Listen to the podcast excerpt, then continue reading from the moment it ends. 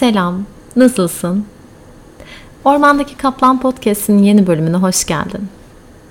Bugün biraz kalça eklemi ve çene eklemi üzerine ve bunların bağlantısı üzerine yaşamda ve mattaki pratiklerimiz üzerine konuşuyor olacağız. Hazırsan başlayalım.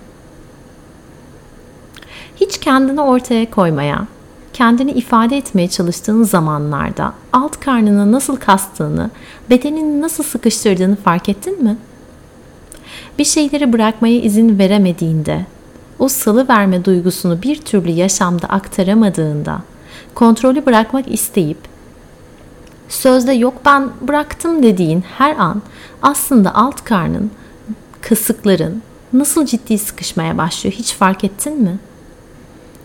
Ya da yaşamda ne istediğini bilmek senin için de bazen zor oluyor mu?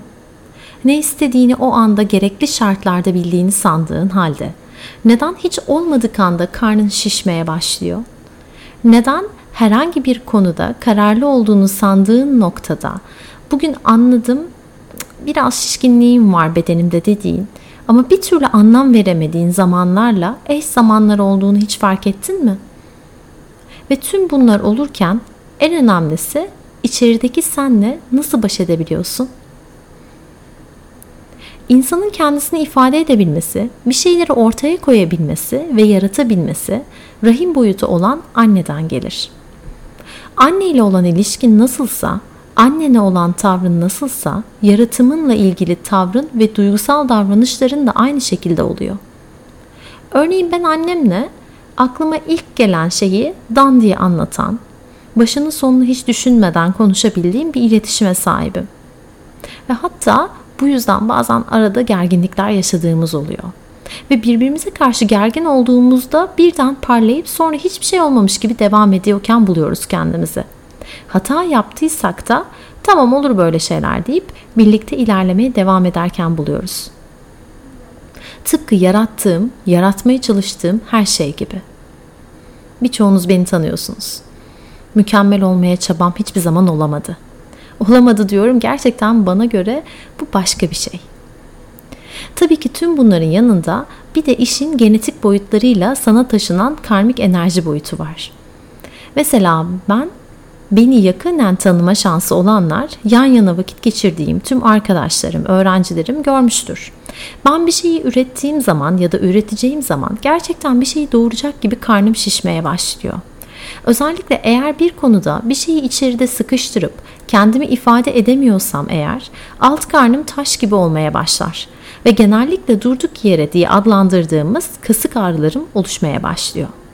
Çünkü yıllar önce ilk defa şahit olduğum annemin bir konuda inanılmaz sıkışık olduğu ve ifade etmekte zorlandığı bir dönemde birden bağırsaklarında yapışma oluşması, iki hafta hastanede kalıp zihinsel olarak içeride sorunları çözebildikten sonra ameliyata gerek kalmadan kendiliğinden iyileşmiş bir annenin kızıyım. Ve annem hala bir şeylere sıkıldığında konuşmasına ihtiyaç duymam karnının inanılmaz şişmesinden ve bağırsak sisteminin bozulmaya başlamasından canının sıkıldığını anlayabiliyorum. Tabii ki tüm bu enerji üzerimde taşıdığımı yıllar geçtikçe pratiğimde görmeye başladım. O kadar okuduğum, araştırdığım konular arasında evet fasyanın kalça ekleminin çeneyle ilgili olduğunu biliyordum. Ancak bunu hiç fiziksel bedende deneyimleme şansım olmamıştı. Deneyimleyemiyordum bir, bir türlü. Bir gün öğretmenim namaz karasana'dan Çin standa geçmemi istedi. Söz konusu Mehmet Hoca'dan bahsediyorum. Bunu yapamam dedim. Daha sonra kalçayı, pusuasları, arka kasları kullanmak üzere çalıştırmam gerektiğini öğretip kasık eklemini, kasık kemiklerimi karşıya açmamı bana kafamı vura vura mata öğrettiğinde fark ettim. Namaskara Sana'dan Çin standa gelmiştim. Sonra bir baktım Hadi aşağı bakandan Çin stande, Çin standtan konabilmeyi öğrendim. Kondinyasana'dan Çin standa geç, sonra tekrar kondinyasana dedi. İmkansız. Yok ben kaldıramam kendimi diye direnmeye devam ettim. Çenemin ileriye yeteri kadar uzamadığını iddia ettim. Ama saçmalama, konu çenen değil, kasık kemiklerini ileriye doğru kapatmadan açmaya çalış. Kasıklarını kapatma ve ileriye uza dediğini fark ettim. Ve artık oradaydım. Ders bitti Ve baktığında tüm bunları yapabiliyorken buldum kendimi. Ancak benim için asıl ders o saatten sonra başladı.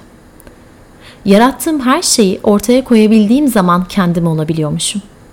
Neden tüm bu yarattıklarım ve yaratacaklarım içerisinde saklanma çabam? O utanma, sıkışma ve saklanma çabası derken buldum kendimi. Mükemmel bir insan hiçbir zaman dediğim gibi olmaya çalışmadım. Mükemmeli bulmak için de içeride saklanmadım. Zihinsel alanda sıkışmaktan oluyordu hepsi. Zihin alanı öyle güçlü yönetiyormuş ki ifade alanımı, unutmuşum yaratıcı gücün sahibinden daha güçlü olduğunu. Yarattığım her şeyin benim olduğunu ve onu ortaya koymanın asıl büyümek olduğunu görmeyi öğrendim. Kendini ifade etmek her zaman bir duruma, bir kişiye, bir objeye bağlı olmuyor. Kendini ifade etmek önce sahip olduğun her şeyi utanmayarak onu sergilemekle oluyor. Sen sahip olduğun tüm yaratım gücünü sergilediğinde, sen kendini sen olarak ortaya koyabildiğinde zaten büyüyorsun. Zaten ileriye uzayarak büyümeye başlıyorsun. Büyüyüşlerin ifade bulmaya başlıyor. Büyüyüşlerin beden buluyor.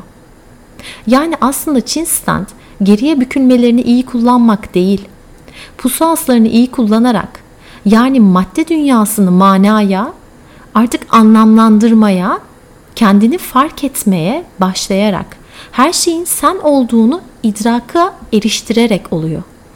Kondinyasana sadece ellerinin kollarının üzerinde kol kaslarını, göğüs kaslarını kullanmak değil, kalçayı, zihin alanını özgür bırakarak ilerlemene sebep oluyor. Yaşamda yarattıklarına verdiğin tepkilerine bir bak şimdi. Sahip çıkışlarına, salışlarına ve en zoru bırakışlarına bir bak.